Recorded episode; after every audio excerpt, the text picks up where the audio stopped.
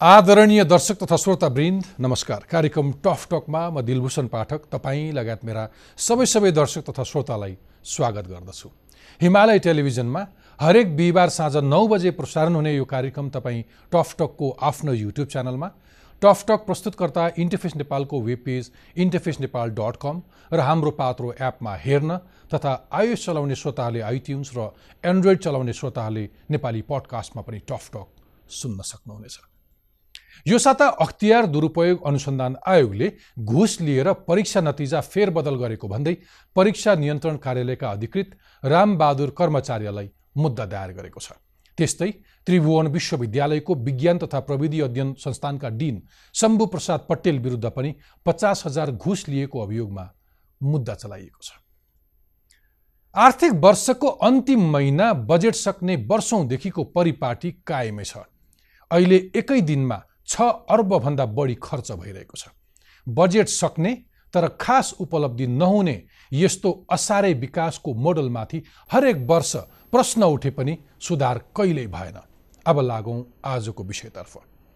तपाईँ हामीले प्रयोग गर्ने भान्सा अहिले विषादीको भण्डार बनिरहेको छ।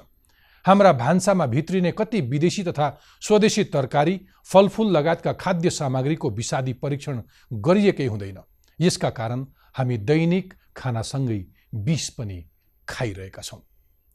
मानव जीवनमा गम्भीर असर पार्ने यस्तो विषादीको प्रयोग रोक्न न हाम्रो सरकारको संयन्त्र सक्षम छ न विदेशबाट गुणस्तर मापदण्ड पुरा गरेका सामग्री मात्र नेपाल भित्रिने सुनिश्चितता छ। यस्तै अवस्थामा अहिले भारतबाट आयात हुने तरकारी फलफुल लगायतका सामग्रीको विषादी परीक्षण गर्ने कि नगर्ने भन्ने विषयको विवाद चर्किएको छ। कुनै बेला भारतको नाकाबन्दीको सामना गरेका प्रधानमन्त्री केपी शर्मा ओली अहिले राजदूतावासको एउटा पत्रका कारण मानव जीवनमा गम्भीर असर पार्ने विषादी परीक्षणको निर्णयबाट पछि हटेको भन्दै व्यापक आलोचना भइरहेको छ। र यो निर्णयलाई लिएर सरकारका मन्त्री तथा सचिवहरू नै एकमत छैनन्। कुनै समय कृषि प्रधान भनेर चिनिने मुलुक अहिले किन खाद्यान्नमा परनिर्भर हुनु परिरहेको छ? किन हामीले आफ्ना लागि समेत उत्पादन गर्न सकेनौँ र अर्काको विषादीयुक्त उत्पादन खाइरहेका छौँ? हाम्रो कृषि प्रणालीमा कस्ता समस्या छन्? वर्षेनी कृषि अनुदानमा अरबौँ रुपियाँ लगानी गरिए पनि किन त्यो बालुवामा पानी हाले सर भएको छ? समाजवाद उन्मुख अर्थतन्त्र संविधानमा लेखेर मात्र हुन्छ कि त्यस अनुसारको व्यवहार पनि हुनुपर्छ?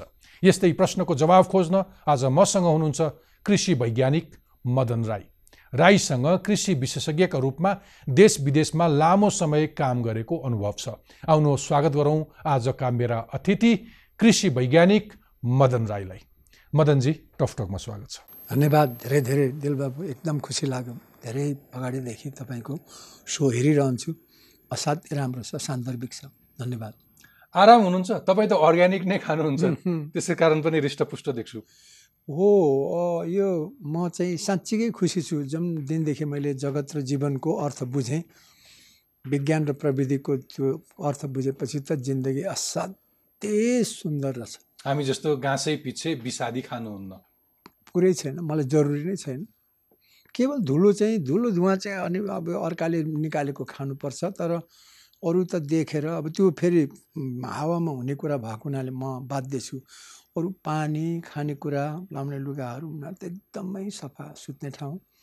जुन मानिसलाई अति धेरै उसको स्वास्थ्य निरोगीपनको लागि चाहिने कुरा फर्स्ट क्लास बिन्दास कति खुसी लाग्यो। म तपाईँको एउटा कृषि वैज्ञानिक अनि तपाईँले आफ्नो आहार विहारलाई कति प्राकृतिक अथवा कति अर्ग्यानिक बनाउन सक्नु भएको छ र त्यसबाट आम मानिसले पनि कसरी लाभ लिन सक्छौँ पछाडिको खण्डमा आउँछु। तर अहिलेकै प्रसङ्ग तपाईँले कुरा बुझिसक्नुभयो। मलाई भनिदिनुहोस् आजको दिनमा औसत नेपालीले एक घाँसमा कति बिस खान्छ?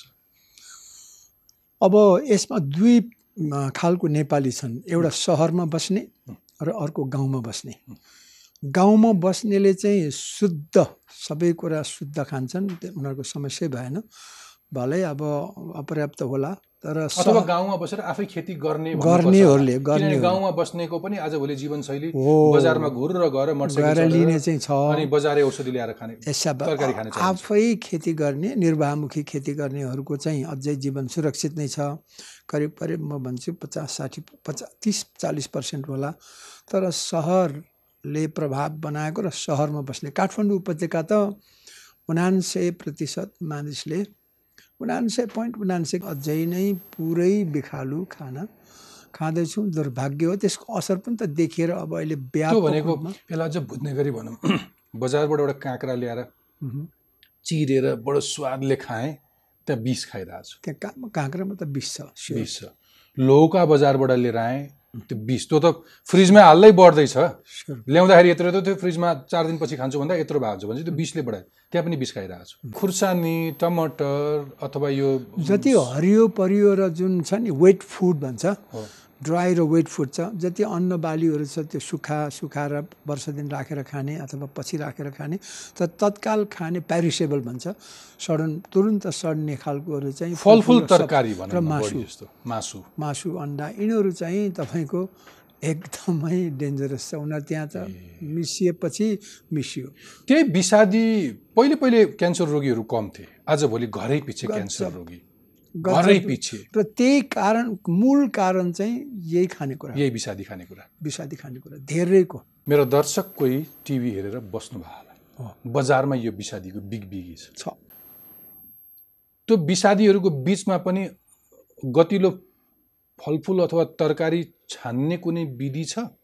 कतिलो यसो छ। अब नेपाल त तपाईँको पानीको देश र बिरुवाको देश भएको हुनाले धेरै उत्पादनहरू जुन मौसममा उब्जिन्छ नि जस्तो गर्मी मौसम अथवा वर्षा मौसम पानी पर्ने मौसम अहिले जेठदेखि वैशाख जेठदेखि त तपाईँको थुप्रै छ त्यस्तो वस्तुहरू मुन्टाहरू भनौँ न फर्सीको मुन्टा करेला इस्कुसको मुन्टादेखि लिएर अरू थुप्रै निङ्गुरोहरू अनि त्यहाँभित्र हामी झार भन्छौँ तर वास्तवमा धेरै खाने वस्तुहरू छ जो अति शुद्ध छ। सो अति शुद्ध त के भन्ने? अब त्यहाँ बर किसानले स्प्रे गरेको छ भने त्यसको असर त पर्छ नै।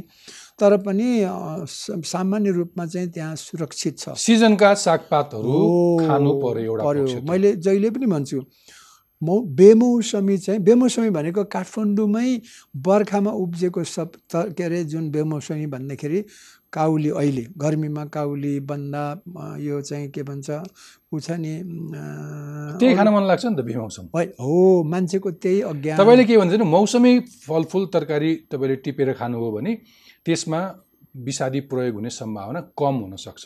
कम मात्रै होइन हुँदै हुँदैन तर त्यो उडेर अर्को किसानले लगाएको अथवा कसैले लगाएको त्यहाँ उडेर गएर लाग्यो भने बेग्लै हो। नभए चाहिँ अलिकति सुरक्षित। तरिका त्यो हुनसक्छ। अनि अफ सिजन फलफुल अथवा तरकारी खानै भएन। होइन नेपाल त अक्सिजन भन्ने कुरा आएन। जस्तो अहिले यो काठमाडौँ उपत्यका चाहिँ मध्य पहाड हो अब उच्च पहाडमा जस्तो तिस्टुङ पालुङ माथि मोडेमा फलेको कुराहरू त यति बेला हुन्छ यहाँ ल्याएको छ। तर थाहा पाउनु पर्यो। त्यहाँ त्यति लगाउनु पर्दैन। जुन कि मौसममा भयो भने उसले बिना उखती पनि आफै शरीर तगडा भएर किस कीटाणु रोगसँग लड्न सक्छ अथवा किरासँग। त्यस कारणले त्यो स्वच्छ हुन्छ प्रायः त्यस कारणले मैले भन्छु मौसम बुझेर कहाँबाट उत्पादन भएको चाहिँ त्यो फेरि इमान्दारिताको कुरा छ। अच्छा हो अब इमान्दारताको प्रसङ्ग आएपछि मलाई सम्झन्छु मेरो भतिज गएको दुई तिन हप्ता अगाडि संयोग परेको छ एउटा घटना। कि बारीमा लगाएको मेरो आमाले बारीमा लगाउनु भएको लौका बिग्रिएपछि लौका फुलेको फुल धेरै बिग्रिएपछि औषधि लिन पठाउँदाखेरि औषधि पसलमा भेटमा एग्रोभेटमा गएर औषधि लिँदाखेरि चाहिँ दुईवटा औषधि झिकेर एग्रोभेट अरू बजारमा लानेको लागि कि आफ्नो खानेको लागि भनेर भनेर दुईवटा अप्सन दिएछन्। र होइन मैले घरमा रोपेको र आफैले खानको लागि भनेपछि छुट्टै औषधि दिएछन्। भनेको आफ्नै खानको लागि छुट्टै औषधि बजारका लागि भनेर भन्ने औषधि तर खाने त ढिलो चाँडो त्यो त आफ्नै मुखमा त आइपुग्छ फेरि अरूले पनि त्यही गरे आइपुग्छ। त्यो चेतना उत्पादन गर्नेको तहमा खानेको तहमा अथवा सरकारी तहमा यो चेतना छैन कसैमा? यो बेमानी हो नि सबै। तपाईँको म त त्यसैमा काम गरेको पचास वर्ष भइसक्यो होइन? थाहा छ यसले हानि गर्छ भनेर। तर उसको लोभ छ उसलाई त नाफा चाहियो धेर चाहियो। त्यस कारणले जेसुकै होस्। भन्ने किसिमको त मलाई नै मुखाले तैँले मलाई हामीलाई मार्छस् नाफा कमाउनु दिँदैनस् भनेर कति धेरै किसानहरूले ठाडो जवाब दिएको छ। मैले भने यसो नगर नगर्नुहोस् यो गलत हो गर्नु पर्दैन आवश्यक छैन। भन्दाखेरि तँलाई के थाहा छ? तिमीहरू पढेको मान्छेले भनेर भनेपछि कस्तो बेमानीपन छ भने थाहा हुँदाहुँदै अथवा कम थाहा छ यो गर्नु हुँदैन कानुनले राम्रो गर्दैन यो सबै राम्रो हुँदैन भन्दा पनि बेमानी किसान पनि छ। बेमानी व्यापारी त हुने नै भयो होइन? त्यसपछि अज्ञानी उपभोक्ता पनि हुने नै भयो। सबैलाई त्यो हुँदा हुँदै पनि उनले विकल्प खोज्दैन के? त्यस कारणले दुःख भनेको त अज्ञानता र लोभमै त आधारित छ बुद्धले भनेकै त सबै। तर सरकारी एउटा संयन्त्र हुन्छ जसले त्यसलाई मोनिटर गर्न सक्थ्यो। उसलाई अलिकति हुन त तपाईँ आफै पनि सरकारी कर्मचारीको रूपमा किसानलाई। पढाउनु भयो यो नगर भनेर। तर बजारमा आउने बेलामा काहीँ नियन्त्रण गरिदिएको भए त्यो त्यो परीक्षण दिलबाबु गर्ने विधि तपाईँलाई म प्रश्न गर्छु सरकार छ र? मैले त यत्रो जीवन भयो मैले सरकार देखिनँ। सरकार भनेको कस्तो दुर्भाग्य त्यही जनताले बनाएको सरकार म पनि जनता होइन र त्यही मान्छे होइन नेपाली मान्छे। जे सिक्यो त्यही जान्यो जे जान्यो त्यही गर्यो। गलत सिकेको छ गलत गर्छ गलत जानेछ गलत गर्छ। समस्या त हामी सबैको समग्र हो के? सरकार कुनै अद्भुत अर्कै कुरा होइन। समस्या त्यहाँनिर हो। त्यस कारण त मैले भन्छु यो सबै शिक्षामा गएर जोडिन्छ गलत संस्कृतिमा जोडिएको हुनाले सरकारै म त देख्दिनँ म। ठिक छ। त्यसो भए सरकारमा आइसकेपछि अब अब अब अहिलेको पछिल्लो विवादमा जाउँ कि जब सरकारले भारतबाट आयात हुने इत्यादि तरकारी अथवा फलफुल परीक्षण गर्छु भनेर निर्णय गर्छ अनि पछि अचानक पछि हट्छ भारतीय दूतावासबाट एउटा पत्र आउने बित्तिकै यो यो पछि हट्नुपर्ने यो यो अरू सबैले बुझे जस्तै यो यो लम्पसारवाद अथवा घोडा टेकेकै हो अथवा हाम्रो बाध्यता हो हामी त्यो अवस्थामा छौँ। दुईवटा कुरा एउटा त अज्ञानता हो होइन? अज्ञानता र लोभले डर पैदा हुन्छ। कि पहिला कुरा त यो मन्त्री परिषदमा अज्ञानता प्रधानमन्त्रीदेखि लिएर मन्त्रीसम्म अब कर्मचारीलाई त के दोष दिने? उनलाई थाहा हुनुपर्ने कि यो विशेष गरेर वाणिज्य मन्त्रीलाई थाहा हुनुपर्छ कि यो त तपाईँको व्यापार हुँ, वस्तु र सेवा विदेशबाट जे आउँछ त्यसको एउटा नर्म्स हुन्छ अहिले डब्लुटिओमा गइसकेको छ नेपाल होइन। विश्व व्यापार सङ्गठनको सदस्य हो। र अहिले जति पनि संसारमा व्यापार व्यवसाय हुन्छ र भौतिक वस्तु र सेवाको आदान प्रदान हुन्छ त्यो चाहिँ त्यो त्यसको कानुनअनुसार हुन्छ। त्यसको कानुनअनुसार चाहिँ जस्तो र भन्सारमा अवरोध गर्नु पाइँदैन है। हामीले त्यहाँ एउटा प्रमाणित तरिकाले कसैले सामान चाहिने त्यहाँभित्र निर्यात गर्छ अथवा त्यो देशको व्यापार व्यवसायीहरूले आयात गर्छ भने त्यसमा प्रमाणित विशेष गरेर स्वास्थ्यसँग मान्छेको पशुपन्छीको र बिरुवाको स्वास्थ्यसँग सम्बन्धितलाई चाहिँ एसपिएस भन्छ कि? सेनिटरी र फाइटो सेनिटरी सर्टिफिकेट चाहिन्छ। त्यो अनिवार्य हुनुपर्छ। त्यति भइसकेपछि चाहिँ त्यहाँ अवरोध गर्न पाइँदैन है। भन्सारमा अवरोध। गर्न पाइँदैन। आफ्नै देशको सामान जस्तो त्यसलाई व्यवहार गर्नुपर्छ भनेर त्यो सबै मानिसकेका छ। त्यति गर्दाखेरि उनीहरूले के बुझ्नु पर्यो? सरकारले बुझ्नु पर्थ्यो मन्त्रीले बुझ्नु पर्थ्यो भने यो एसपिएस लागू भएको छ छैन। कसरी भएको थियो? यसरी बाहिरै जाँच्ने हो कि भित्र जाँच्ने? प्रमाण पुर्याउने कि नपुर्याउने? कि हामीसँग पर्याप्त छ कि छैन भनेर त्यो सुरु गर्नुभन्दा अगाडि नै होइन भारतले दुःख दिइरहेछ हामीले पनि दिनुपर्छ भन्ने चाहिँ त्यो त न्यु खोज्ने सबभन्दा जो चाहिँ होइन अब जो साह्रै कमजोर छ उसैले न्यु खोजेर तर तपाईँले भने जस्तै सेनिटरी अथवा फाइटो सेनिटरी अथवा त्यो प्रमाणपत्र अथवा डब्लुटिओ अथवा विश्व व्यापार सङ्गठनको प्रावधानहरू देखा देखाएर पठाएको चिठी भन्दा पनि बढी चाहिँ त्यहाँ अलिकति हस्तक्षेप जस्तो अलिकति थ्रेड जस्तो थियो भनेर हाम्रा शासकहरूले बुझ्नु। चाहिँ त्यो चिठी पत्र कम बुझेको कि अलिकति? होइन चिठीमा त प्रश्नै छ नि। महाशय मतलब यहीँकोलाई भनेछ महामय महाशय नेपाल सरकार। हामीले त अन्तर्राष्ट्रिय व्यापार सङ्गठन होइन? विश्व व्यापार सङ्गठनकै मापदण्डमा फाइटोसेनिटरी सर्टिफिकेट सहित सामान पठाएको थियो। तर भन्सारमा अवरोध भएछ। हामी त्यसलाई त्यो अवरोध हुनु नहुने भएछ। त्यसले गर्दाखेरि तपाईँहरूको लाई चाहिँ हामी विनम्रपूर्वक सूचना गरेको छौँ। भन्नु त हामीले पनि पर्छ। तर विनम्रपूर्वक अलिक धेरै मान्छेलाई बोधार्थ पनि दिइरहनुपर्छ दूतावासले। पर्छ।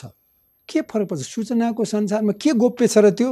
दुनियाँले थाहा पाउनु पर्यो नि यो अलिक। बढी होइन, जस्तो अलिक बढी नै सबै तहमा छिर्न खोजे त्यति धेरै माइक्रो म्यानेजमेन्ट गर्न हस्तक्षेप भारतको हस्तक्षेपको कुरा गर्ने हो भने त नाकाबन्दीदेखि लिएर अहिलेको सबभन्दा हेर्नुहोस् म त त्यही त्यही व्यवसाय गर्थेँ नि त। गर्छु अहिले पनि। हामीले भारतमा निकासी गर्ने चिया अदुवा बिउ खानेकुरा अलैँची। अलैँची सबै कुरा पठाउँदाखेरि घुस नदिकन होइन? अब त्यही सबभन्दा बेमानीको हद र दुःख दिने दादागिरी। यो त सधैँ भइआएछ त्यसको लागि नेपालले तयारी गरेनौँ के? मैले भने भारतलाई मात्रै दुःख दिएर हुन्छ त्यसको विकल्प रच्नु परेन। बार बार तपाईँको नाकाबन्दी गरिरहन्छ। यस्तो स्वाधीन तपाईँको प्रकृतिले यति धेरै वरदान दिएको छ बाँच्नुको लागि र धनी हुनुको लागि त्यो किन नगर्ने? ओके तपाईँको मैले कुरा बुझेँ। त्यसो भए त्यतैतिर लागौँ अब। अब अब अब यो अब वार्तालाई त्यतातिर लैजाउँ। हो कि यो। आज एक दिन यो विषादीको बाहनामा हामीले रोक्न खोज्नु अथवा उसले धकेल्न खोज्नुसँग हामी नअड्कौँ। हामी स्वयं हामी स्वयं कुन। ग्राउन्डमा छौँ? म म अब आउँ त्यसो भए। हो। हामी मैले यो मुलुक कृषि प्रधान देश भनेर रटान लगाएँ तर त्यसको एउटा दशक बित्न नपाउँदै मेरो कृषि गरिरहेको मेरो पिताजी अथवा मेरा दाजुभाइ अथवा मेरा छिमेकीहरू सबै कृषिबाट अलग्गिए विस्थापित हुँदै गए। भाइ समस्या त्यहाँनिर जोडिएको छ। भयङ्कर ठुलो। समस्या भनेको हाम्रो सत्तरी वर्ष अगाडि अथवा जे होस् करिब करिब त्यही राणाकाल समाप्त भएपछि अनि शिक्षा सुरु भयो। शिक्षामा चाहिँ के भन्न थाल्यो भने पढ्यो भने हलो जोत्नु पर्दैन। भन्ने किताब जो पढ्छ ठुलो मान्छे हुन्छ धनी हुन्छ सम्मानित हुन्छ हाकिम हुन्छ भनेर त्यो जुन सुरु भयो संस्कृति त्यही दिनदेखि हाम्रो खेती र अर्थतन्त्र समाप्त भएको अहिले पनि दोष त्यहाँ छ। कुरै छैन त्यही नै हो एउटा एउटा त्यही। अहिले पनि पढ्छस् कि हलो जोत्छस् बस तपाईँको अहिले तपाईँले नै तपाईँको छोरालाई भन्दै होला। बाबु पढिनुहोस् भने त तैँले हलो जोत्नु पर्छ मेरो त हलो जोत्ने ठाउँ छैन। होइन। त्यस कारण भन्नु परेन। तर मेरा बाहरूले मलाई भने। होइन। बाते भने भने तपाईँले पनि भन्नुपर्छ। तैँले केही जान्नुहोस् भने त भोलि त उहाँ गएर खेत जोत्नुपर्छ कसैको। भन्नुहुन्छ नि। त्यो त छ नि ठाउँ त। अरू केही पाएन भने खेत जोत्ने ठाउँ त छ नि त अझै। त्यो हो नि त उपाय। तर त्यही हो एक नम्बर काम त त्यही थियो तर हामीले त्यसलाई चाहिँ सबैभन्दा अन्तिम र त्यो चुच्चो भनेर भन्यौँ के? सबभन्दा महत्त्वपूर्ण मान्छे हलो जोत्ने धान फलाउने भात फलाउने र त्यसपछि मासु र दुध फलाउनेलाई चाहिँ हली एउटालाई गोठाला एउटालाई पकाएर दिनेलाई कमारा कमारी। तिनीहरू भनेको नोकर चारन सा साकर सानो मान्छे हो दबाएर राख्नुपर्छ भन्ने जुन एउटा गलत सोच र संस्कृति सुरु भयो तिनीहरूको विरुद्धमा जसले लड्यौँ हामीले सात सालमा भनौँ न अब त्यो क्रान्ति गरेर लोकतन्त्रको लागि प्रजातन्त्रको लागि। त्यहाँ चाहिँ लडेपछि के प्राप्त गर्ने भन्दा अब पढ्न थाल्ने पढेपछि यो सबै गर्नु पर्दैन। कोही हली हुनु परेन कोही गोठाला हुनु परेन कोही चाहिँ नि कमारा कमारी हुनु पर्दैन। पढ भनेपछि आजसम्म त्यही नै किताब घोकेको छ हलो छोडेको छ। ओके। पोइन्टमा आउँ। अब अब आजको दिनमा वर्षेनी झन्डै दुई खर्बभन्दा बढीको खाद्यान्न सामग्री हामी आयात गर्छौँ। अवश्य। मैले अघि भने कि हामीले कृषि प्रधान भनेर रट्यौँ पढ्यौँ। कुनै समय यो मुलुक कृषि प्रधान थियो। आज पनि यो देशलाई कृषि प्रधान भन्न चाहिँ मिल्छ? होइन। कृषि प्रधान भएको त कृषि प्रधान त कृषकहरूको प्रधान चाहिँ हो। त्यो कृषि प्रधान त उहिले सकिएको जुन दिनदेखि किताब घोक्न थाल्यौँ त्यो सकिएको हो। त्यही दिनको अन्त भयो त्यसै दिनदेखि तर अहिले जनता चाहिँ अझै पनि जनता जनता करिब करिब भनौँ न फिफ्टी पर्सेन्ट जति होला अहिले। तर के छ भने त्यो पनि क्याजुअल कृषकहरू। अहिले पूर्ण किसान त कोही पनि छैन नेपालमा। होइन अर्ध कृष कृषि। होइन त्यो आधी काम मात्रै उसले कृषिको गर्छ। र तिनीहरू पनि अब म जस्तो बुढाबुढी जो कि बानी परिसकेको छ खेती खेत खेतको लोभ छ अलिअलि धान हुन्छ कि केही हुन्छ कि भनेर त्यो लोभ छ। अरू उपाय देख्दैन त्यो छ। अर्को कुरो महिलाहरू अब गाउँमा बस्नेहरू। त्यस कारणले बुढाबुढी अलिकति बानी परेकोहरू महिलाहरू। बाहेक अरू जुन युवाहरूले पनि अलिअलि गरे यो बिचमा दस पन्ध्र वर्षमा निकै सुरु भयो। अब मैले नै अलिकति धेरै नै प्रमोट गरेर गरेँ युवाहरूले गर्नुपर्छ भन्दा। त्यसमा के भयो भने सरकारको अकर्मण्यता। सरकारकै हुकुमबाट अघि तपाईँले भने सोच चाहिँ एउटा कारण भयो। मैले अरू अरू अरू घट अरू कारणहरू पनि जोड्न होइन पाँच दस लाख युवाहरूले विदेशबाट फर्केपछि उनीहरू दुःख पाएपछि फर्केर नगरेको होइन। गोलभेडा गरे गाई पालन गरे थुप्रो कुखुरा पालन गरे। खसी बाख्रा छन्। सबै व्यवसाय गरे तर सबैमा फेल हो। किनभने त्यहाँनिर सरकारले खर्च पनि गर्यो। चार अरब त तपाईँको प्याक्ट कार्यक्रममा ऋण लिएर गर्यो होइन। अन्य अन्य थुप्रै आयोजनामा गरे तर सबै दुईवटा के भने भ्रष्ट कर्मचारीले कमिसन नखाइकन गर्दै नदिने गाई पाल्ने यी भर्खर अस्तिको दिन मात्रै म गएर आएँ। एकजनाले एक सय मिश्राजीले एक सय गाई पालेको आठ करोड घाटा गएपछि उनले चाहिँ बन्द गरेर तपाईँको अब एक्काइस करोडको जग्गा बेचेर आठ करोड ऋण अरू लगानी आठ करोड डुबाए फेरि अर्को चाहिँ घाटालाई यसरी पूर्ति गरेर चाहिँ उनीले गाईले छोडे। तिनले छोड्नुको कारण के भन्दै हुन्थ्यो भ्रष्ट कर्मचारी घुस नखाइकन काम गरेनन्। एक्ज्याक्टली त्यो उसलाई लोन लिन गाह्रो भयो। एकदमै असम्भव लोन पनि त्यो सस्तोमा नपाउने होइन? मैले भनिहालेँ कति कर अब त्यो सहयोगी वातावरण छैन। म सरकार भइदिएको भएदेखि म के जान्थेँ? क कसले कहाँ कहाँ राम्रो काम गरेछ? ए तपाईँलाई के के चाहिन्छ? ल है यो सरकारले सुविधा दिएछ। तपाईँलाई एक करोड भयो। उसले चार करोड खर्च गरेछ भने सरकारले एक करोड दिए हुन्छ के? अनुदान देऊ। तर के गर्यो भने छुट देऊ। हो झोला बोक्नेलाई चाहिँ एक करोड दियो। थुप्रो उदाहरण छ। सबैले करोड पाए। यहाँ सहरका ठुला व्यापारीहरूले पनि अरू धेरै कर्मिना थुप्रो गरे। पाएको छन्। त त्यो त प्रमाणै छ नि देखे हुन्छ। तर अहिले तर कृषकले चाहिँ तपाईँले भनेको सुविधा पाएन। के के दिन सक्थ्यो? मलाई पोइन्टमा भन्नुहुन्छ सरकारले के के दिन सक्थ्यो? बिउ बिजन प्रविधि सिधै पैसा दिए पनि हुन्छ। मान्नुहोस् न चार करोड एउटा किसानले खर्च गरेर सयवटा गाई पालेको छ उसले घर बनाएको छ गोठ बनाएको छ होइन? सारा कुरा मलको लागि व्यवस्था गरेको छ सबै सिस्टमहरू दुधको लागि भनेपछि बाफ्रे। यत्रो लगानी गर्ने तपाईँ? लु के चाहिन्छ? तपाईँलाई अनुदान कम्तीमा पचास लाख दिए हुन्छ कि? अनि उसले विस्तार गर्छ नि। अनि अर्को प्रविधि चाहिँ ए साथी हो त्यहाँनिर त्यो केन्द्रलाई चाहिँ विशेष गरेर तालिम केन्द्र बनाउनुपर्छ। तपाईँले मद्दत पनि गर्नुहोस् है मिश्रजी। तपाईँलाई यो हामी जे गर्नु सक्छौँ के के सुविधा पनि दिन्छौँ तर अरू किसान पनि तपाईँहरू जस्तै हुनुपर्छ। भनेर उनलाई सबै सुविधाले गर्नुपर्नेमा उल्टो गरेर उसलाई दुःख दिने। तर म तपाईँलाई एउटा एउटा तथ्याङ्क ध्यान आकर्षण गराउन चाहन्छु कि गत वर्ष हामीले झन्डै दुई खर्ब बराबरको खाद्यान्न आयात त गऱ्यौँ सामान्य हो। तर कृषि क्षेत्रको समग्र सुधार गर्नको लागि भनेर यो वर्ष बजेटमा सरकारले चौतिस अर्ब अस्सी करोड करिब पैँतिस छुट्यायो करिब करिब पैँतिस पैँतिस अर्ब छुट्यायो अब चाहिँ सिँचाइ अब चाहिँ घैँटोमा अलिअलि घाम पर्न थालेको छ। होइन। छैन परेको? छँदै छैन। अहिले त्यो प्रधानमन्त्री कृषि कार्यक्रम जम्मै कार्यकर्ता पाल्ने हो। प्रमाण देखा भन्यो भने सबै त त्यो त्यहाँको जिल्लाको संयोजकहरू जम्मै पार्टीको कार्यकर्ता छन्। तिनीहरू त्यो काम हेरेर गर्दाखेरि त दुःख लागेर आउँछ के भन्दै हुनुहुन्छ। धेरै पूर्वाग्रही भएन तपाईँको धारणा। साँच्चै त्यस्तै हो? मन हेर्नुहोस् न प्रमा हेर्नुहोस् त। को छ त्यहाँको अध्यक्षहरू? त्यही अध्यक्षको मन त नि कर्मचारीले अब त्यहाँ कस्तो दुर्भाग्य छ हुनुपर्ने ठाउँमा छैन के? पैसा बजेट खर्च भएको छ काम भएको देखिन्छ तर कति खर्च भएको छ?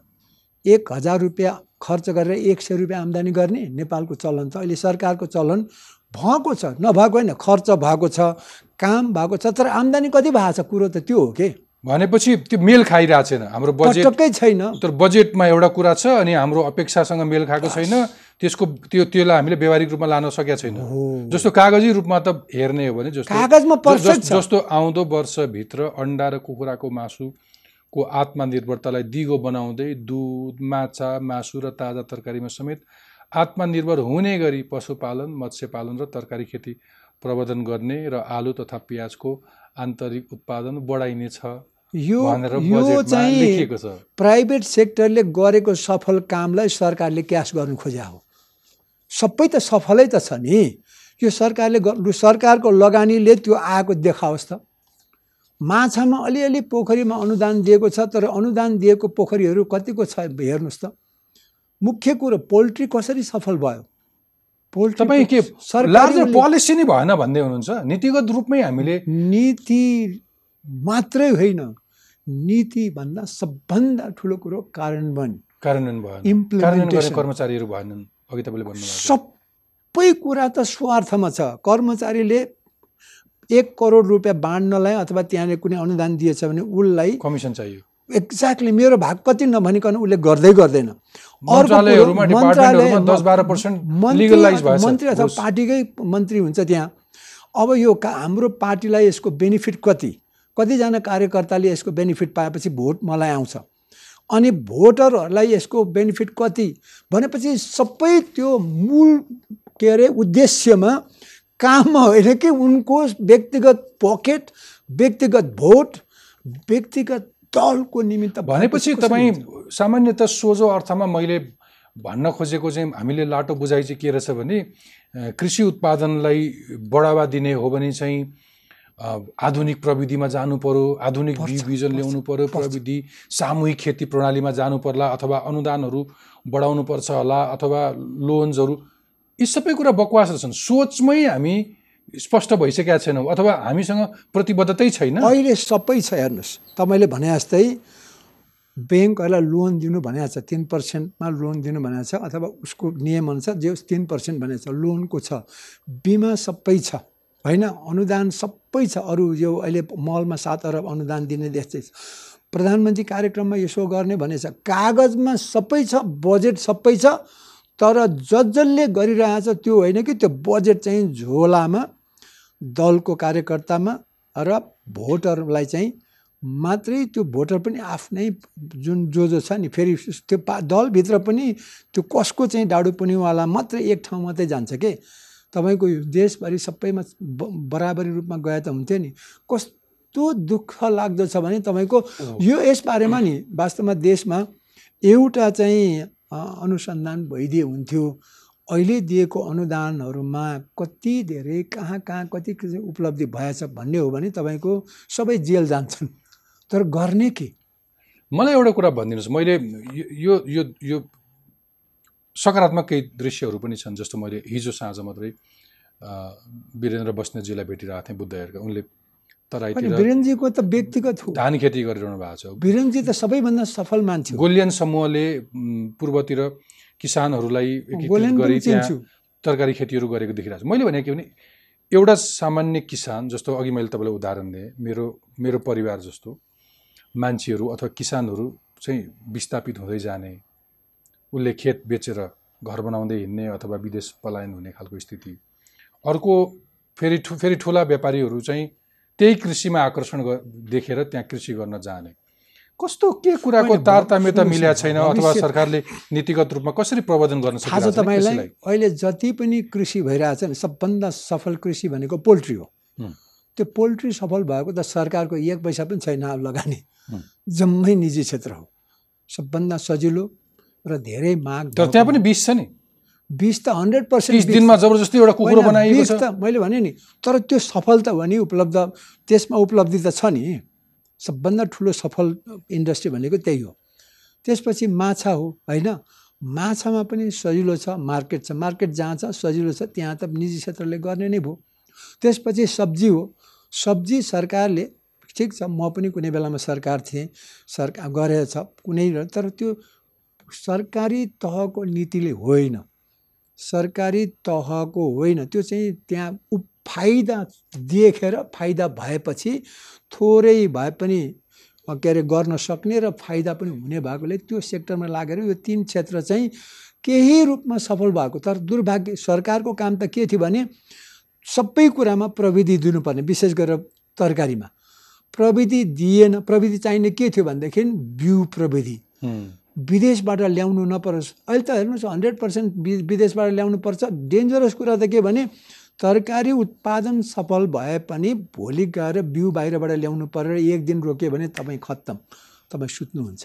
समस्या त्यति खतरा भयो। त्यस कारणले राज्यले भूमिका पटक्कै निभाएकै छैन यसमा। राज्यको भूमिका तरकारी उब्जाउने होइन नि। प्रविधि र सुरक्षा उसलाई चाहिँ निश्चित रूप हिसाबले चाहिँ नि राष्ट्रिय सुरक्षा हेर्नुपर्ने। तर त्यो त पटक्कै छैन। त्यो जे जे सफलता प्राप्त भएको छ जन्नै व्यक्तिगत तहमा किसानहरूले अब बाख्रा पालन सफल भएको छ एउटा पनि सरकारको सु त्यहाँनिर योगदान देखिँदैन। जस जसले व्यक्ति व्यक्तिले विदेशमा बसेर जहाँ जहाँ बसेर के के गरेका छन् त्यो सब सबै जे जे व्यवसाय सफल छ नेपालमा त्यो सबै निजी लगानी विदेशमा गएर घुमेर आएर सिकेर अलिअलि कमाएर आएर त्यही लगानीबाट भएको छ। नेपालको त तपाईँको राजस्व जुन छ नि त्यसको साँच्चीकै मूल्याङ्कन गर्ने भने त मैले भने सबैले जेल हाल्नुपर्छ। ओके यो सबै समस्याका अलावा आजको छलफलको आशय चाहिँ के हो भने आज एक दिन हामीले बाहिरको तरकारी रोक्ने अथवा त्यहाँ विषादी छ भनेर चिन्ता गरिरहनुभन्दा हामी स्वयंले किन त्यो उत्पादन गर्न सक्दैनौँ? तपाईँ त त्यो नाकाबन्दी अलिक छोटो भयो नाकाबन्दी केही हजार वर्ष गरोस् भन्छु म। हजार वर्ष त अलिक बढी होला। हामी आफै छ? हामी आफै उत्पादन बढाउन सक्छौँ भन्ने आशय हो तपाईँ। होइन दस वर्ष मात्रै नाकाबन्दी गरिदियो भने भारतले केही पनि लाउनु पाउँदैन भनिदियो भने नेपाल मैले भने नि सबैभन्दा बढी अर्ग्यानिक सम्पन्न स्वस्थ हुन्छ। म चुनौती दिन्छु दस वर्ष मात्रै गरिदियोस्। नोक्सान त हामीलाई छैन नि भारतलाई पो छ त। पाँच खरब पाँच बिलियन डलरको नोक्सान उसले सहन्छ। त्यस कारणले यो त हाम्रो अकर्मण्यता र हाम्रो अज्ञानता त्यही कारणले नै हामी दुःख पाएछौँ। किन सूत्र भनिदिनुहोस्। पोइन्टमा भनिदिनुहोस् सूत्र। कसरी? यो आजसम्म हामीले कृषिमा कुनै कुनै उत्कृष्ट प्रगति त गर्न सकेनौँ। तपाईँले अघि भने जस्तै अन्डामा अथवा कुखुरामा केही निर्भरता हटायौँ आत्मनिर्भर व्यक्तिको कारणले भयो। तर कुनै उद्यमशीलता भएका केही व्यापारीहरूको कारणले व्यक्तिको कारणले तर समग्र तपाईँले भने जस्तै हामीलाई भारतको तरकारी चाहिँदैन अथवा हामी बिस खाँदैनौँ। हामी आफै उत्पादन गर्छौँ भनेर आफै। उत्पादन गर्न र बढाउन चाहिँ के गर्नुपर्छ? होइन हाम्रै पानी लगेर उसले उब्जाइरहेछ भनेदेखि हामीले हामी कसरी गर्छौँ होला सुन्नुहोस् अब सधैँ भनिरहेको छु सबभन्दा महत्त्वपूर्ण उत्पादनलाई चाहिने कुरा जमिन हो। जमिन खण्डित छ नेपालमा। त्यस कारणले जमिन एकीकरण गर्नुपर्छ। त्यो चाहिँ कालान्तरमा त्यो जुन छ यो अहिलेको जुन सिलिङ छ नि पचहत्तर रुपियाँको एक व्यक्तिले चाहिने पाउने र दस दस बिघा त्यो चाहिँ हटाउनु पर्छ र जति राखे पनि पाउने तर खेती गर्नुपर्छ भन्ने प्रावधान। र अहिले तत्काल त्यो सम्भव छैन त्यस कारणले सामूहिक भन्नुभयो नि एउटा ट्र्याक्टरलाई मझौला ट्र्याक्टरलाई सय बिघा चाहिन्छ भनेदेखि एक त्यहाँ सय बिघा त छैन किनभने एकजनाको दस बिघा बढीमा छ भने दसजना किसान मिल्नु पऱ्यो या सयजना एक एक बिघा छ भने सयजना मिलेर ब्लक बनाउनु पऱ्यो अहिले जुन छ प्रधानमन्त्री कार्यक्रममा त हामीले नै सुझाव दिएको थियो अहिले। पकेट छ होइन ब्लक के अरे त्यो जो ब्लक छ जोन छ। त्यसरी बनायो भने तपाईँको ल यो चाहिँ सय बिघा जग्गा चाहिँ धान मात्रै लगाउनुहोस् या यो मात्रै बाली गर्नुहोस्। यसको लागि सरकारले अनुदान दिन्छ है ट्र्याक्टर दिन्छ सिँचाइको लागि दिन्छ बिउको लागि दिन्छ मलको लागि दिन्छ भनेपछि तपाईँको त्यो त त्यहाँ त उत्पादन त तिन टन होइन छ टन फल्ने पनि त। लागत चाहिँ तपाईँको चालिस हजार बिघाको होइन कि बिस हजार झर्ने अनि। त्यहाँभित्रको त्यो ब्रोकर हुन्छ नि जो किसानले उत्पादन गरे सात आठ महिना लगाएर समाप्त हुन्छ। यो यो दुई महिना सञ्चित गरेर खाने ब्रोकरहरूलाई निरुत्साहित कसरी गर्ने? होइन त्यो पनि समाप्त हुन्छ। किनभने त्यो त कलेक्टिभली गर्दैछौँ नि त। समूहमा त्यहाँ सहकार्य गरेपछि त उत्पादन पनि ब्लक हुन्छ। अनि उसले एकैचोटि कोसँग इन्डस्ट्रीसँग जान्छ नि चामल मिलहरूसँग जान्छ। एक एक एकजना बेच्नु जानुभन्दा तपाईँले सय बिघाको भनौँ न मानौँ तिन तिन सय टन त त्यो त एउटा ठुलो फ्याक्ट्रीलाई तपाईँले तिसवटा ट्रकमा अथवा के के अरे तिसवटा ट्रकमा पठाउन सक्नुहुन्छ होइन? त्यस कारणले त्यहाँ फाइदा हुन्छ। सबभन्दा उत्पादन खर्च एकदमै घटेर जान्छ। त्यो जरुरी छ। होइन? पहिलो कुरो त्यो हो। बहुत जरुरी छ त्यो। कि उत्पादनको यो जुन क्षेत्र छ के भन्छ जमिन ओके छ दोस्रो चाहिँ दिनुपर्ने मेसिनरी एकदम मेकानाइजेसन नगरिकन सम्भवै हुँदैन। त्यो जोत्नेदेखि रोप्नेदेखि गोड्नेदेखि काट्नेसम्म स्टोर गर्नेसम्म मेसिनरी चाहियो। होइन? तेस्रो सिँचाइको व्यवस्था यति धेरै पानी छ र यति धेरै सिँचाइको सुविधा भइरहेछ व्यवस्थापन छैन। त्यो सिँचाइ राम्रो गर्ने बित्तिकै भयङ्कर राम्रो हुन्छ। चौथो प्रविधि तपाईँको लाउने प्रविधि विशेष गरेर बिउ र मल। यति गजबले दिनु सकिन्छ होइन? त्यो चाहिँ टेक्नोलोजिकल रिसर्च भनेको के अरे सरकारको काम हो। होइन? प्रविधि अथवा बिउ र मल यो जुन उत्पादनको साधनहरू यसलाई सरल रूपमा बनाइदिने हो भनेर टाइममा आइदियो भने सबै हुन्छ। त्यसपछि तपाईँ त्यसलाई चाहिने अब अलिकति पैसा त चाहियो। पैसो चाहिने ब्याङ्कबाट दिने हो कि अनुदान कति दिने हो कि कसरी दिने हो यति हुनासाथ र अर्को बिमा। तपाईँले लाउनु भएको छ एक दस हजार बिघामा लाउनु भएको जमिन त के अरे बाली त नोक्सान भयो भने त खत्तम हुन्छ। त्यसको लागि बिमा गर्दा के फरक पर्छ त्यही किसानले तिरिहाल्छन् होइन। सरकारले इनकेस आपत पऱ्यो भने त सबैले बेहोर्नुपर्छ त्यति गरिदिने बित्तिकै र अहिलेको जुन शिक्षामा डेढ खरब पैसा खर्च भइरहेछ त्यो पचास अरबमा शिक्षालाई स- सञ्चालन गरेर एक खरब पैसा चाहिँ त्यो किसान खेत खेतमा अथवा उत्पादन क्षेत्र क्षेत्रमा चाहिँ बाटो पुर्याइदिने हो भने अनि के को समस्या पर्छ? समस्यै पर्दैन। यति सजिलो छ र प्रविधि छ पैसा छ गर्ने मान्छे छ। सोच्ने कसले कसलाई फुर्सद छ? मन्त्री हुनु सांसद हुनु अर्को चुनाव जित्नु सधैँभरि सरकार बनाउनु अनि ठालु हुने अब। त्यो यो लार्जर भयो। अब सानो स्केलमा पनि मानौ तपाईँको आफ्नो तपाईँको आफ्नो जीवनशैली तपाईँको यो अर्ग्यानिक जीवनशैली चाहिँ नि बडो आकर्षक छ। तपाईँ मलाई भनिदिनुहोस् तपाईँको यसको राज चाहिँ तपाईँ आफै कसरी अर्ग्यानिक उत्पादन गर्नुहुन्छ? तपाईँले त्यो आफ्नो शौचालय कसरी व्यवस्थापन गर्नुभएको छ? मेरो समयमा। मेरो राज के छ भने मेरो जीवन भनेको हावा हो पानी हो खाना हो। सोलिड लिक्विड र ग्यास पृथ्वी पानी र हावा हो। म ताजा हावा पिउँछु किनभने बिहान उठेर म एकदमै हिँड्छु ताजा ठाउँमा। ताजा सास लिन्छु। पहिलो बिहान। ताजा पानी पिउँछु म दिनको कम्तीमा पनि तिन चार लिटर पाँच लिटर। र म आठ नौ पटक पिसाब फेर्छु। हेर्नुहोस् मेरो राज नै त्यही हो। र म ताजा अर्ग्यानिक अर्ग्यानिक खेतीपाती घरको उत्पादनमा जान्छु अब म अनि त्यही त ताजा खाना खान खान खान्छु किनभने खाएपछि म जे खान्छु सास फेर्दा म कार्बन डाइअक्साइड निक- निकाल्छु। पिसाब फेर्छु त्यो बिरुवामा हाल्छु किनभने मुत भनेको बिरुवाको दुध हो। म दिशा गर्छु त्यो गु हो त्यसलाई चाहिँ बिरुवामा खुवाउँछु के अरे सडाएर। मैले जस्तो मेरो घरको शौचालय छ तपाईँको शौचालय छैन। म जहाँ एकै ठाउँमा गएर म त बाल्टिनमा दिसा। गर्छु र फ्लस गर्छु र त्यो सेफ्टी ट्याङ्कीमा जान्छ। बाल्टिनमा हग्छु तपाईँहरूको त त्यो त बममा पठाउनुहुन्छ अथवा त्यो बागमती फोहोर गर्ने पठाउनुहुन्छ तपाईँ चाहिँ बाल्टिङमा गर्नु म बाल्टिनमा गर्छु भरिएपछि मल खाडलमा त्यही तरकारीको छिल्काहरू फलफुलको छिल्काहरू अथवा त्यहाँ सोतर पत्कर मिसाएर त्यसलाई दिस के अरे मल बनाउनुहुन्छ। अनि त्यसैलाई फेरि के अरे बोट बिरुवालाई दिएर त्यसले मलाई दिन्छ फेरि। अर्ग्यान टु साइकल मेरो उसको अर्ग्यानबाट मेरो अर्ग्यानमा आयो मेरो अर्ग्यानबाट उसको अर्ग्यानमा पठाउने त्यो त प्रकृति हो नि त्यही अनि त चक्र हो। पिसाब चाहिँ तपाईँले फेरि त्यो पिसाब पनि त्यो त्यसै अरूले गर्ने विषादीको सट्टा यसलाई तपाईँले प्रयोग गर्नुहुन्छ।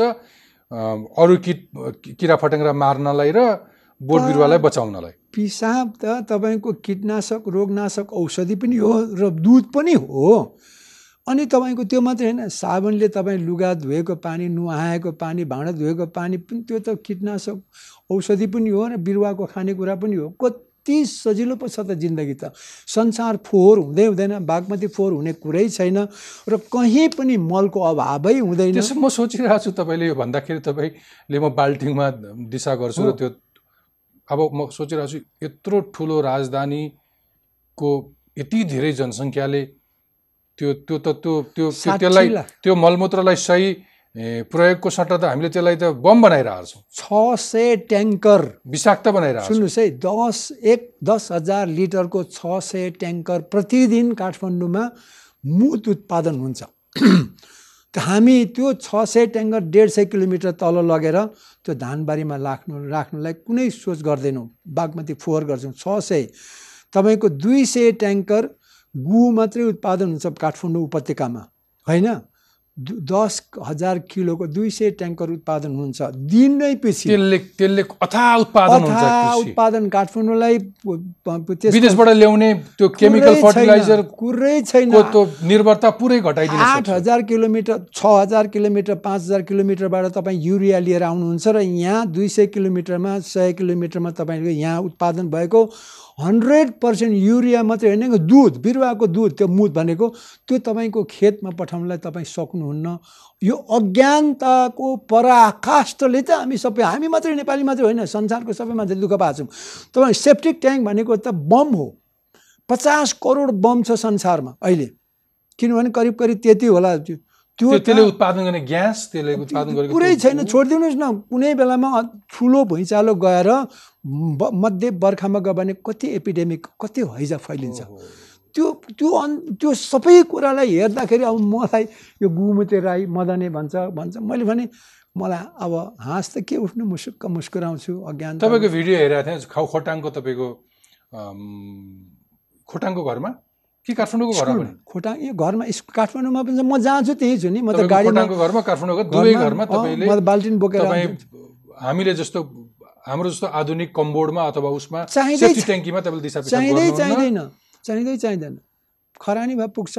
पानीको सट्टा खरानी। मैले भने वाटर सिल होइन एस सिल टोइलेट बनाऊ।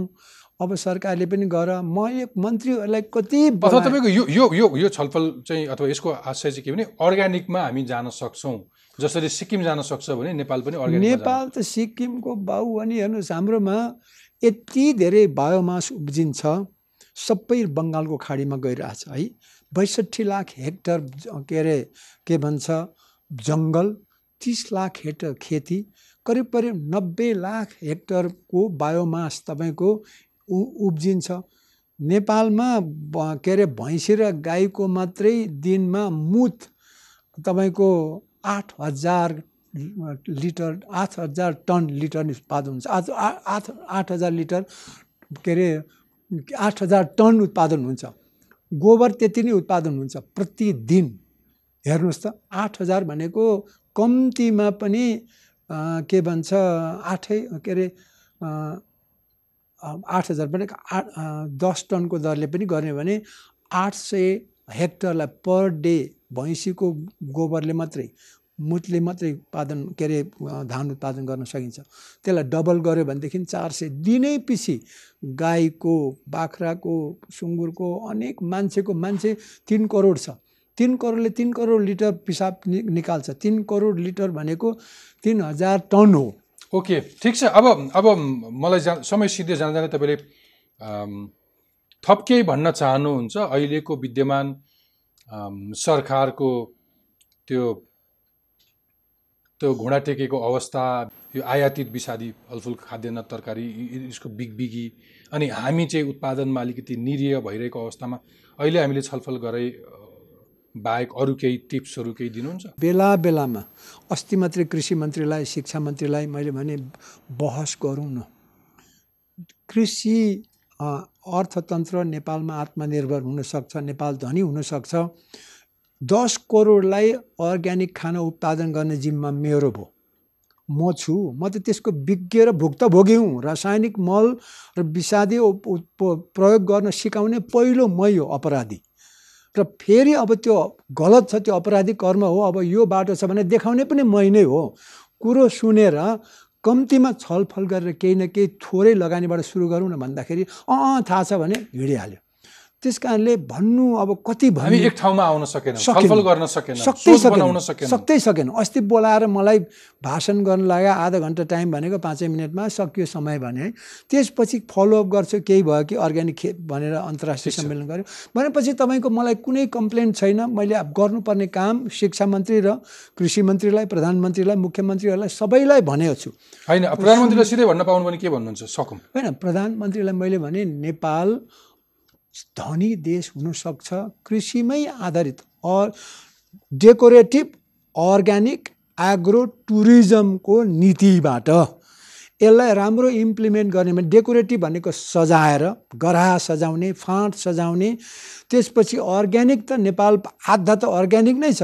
त्यो मललाई कानुन लगाएर दस वर्षभित्रमा लाउनु नपाउने भन्ने बित्तिकै त्यसै अर्ग्यानिक भइहाल्छ। किनभने यहाँ अर्ग्यानिक अर्ग्यान यति धेरै छ अर्ग्यानिक हुनलाई त्यसपछि decorative organic agriculture base economy हुनुपर्छ। त्यो चाहिँ टुरिस्ट भनेको हाम्रो कन्ज्युमर हो इन्कम सोर्स हो। यति डेकोरेसन बनाइ डेकोरेटिभ बनाइदियो अर्ग्यानिक बनाइदियो भने एग्रिकल्चर बेस भयो भने टुरिस्ट आफै आउँछ।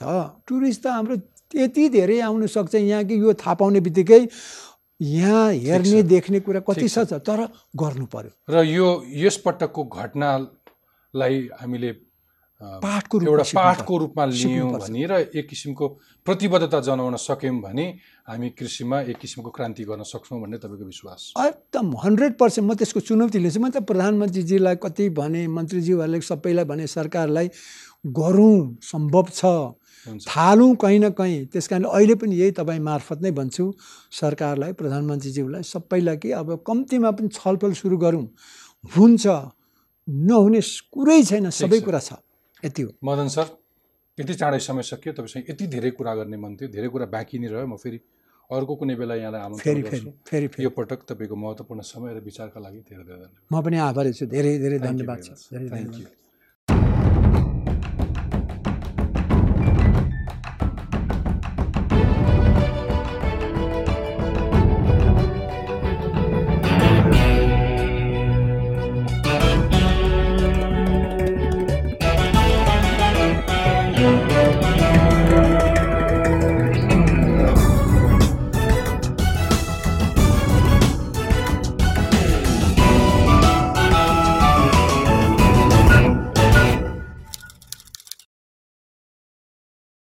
नेपाल टेलीकॉम राष्ट्र को संचार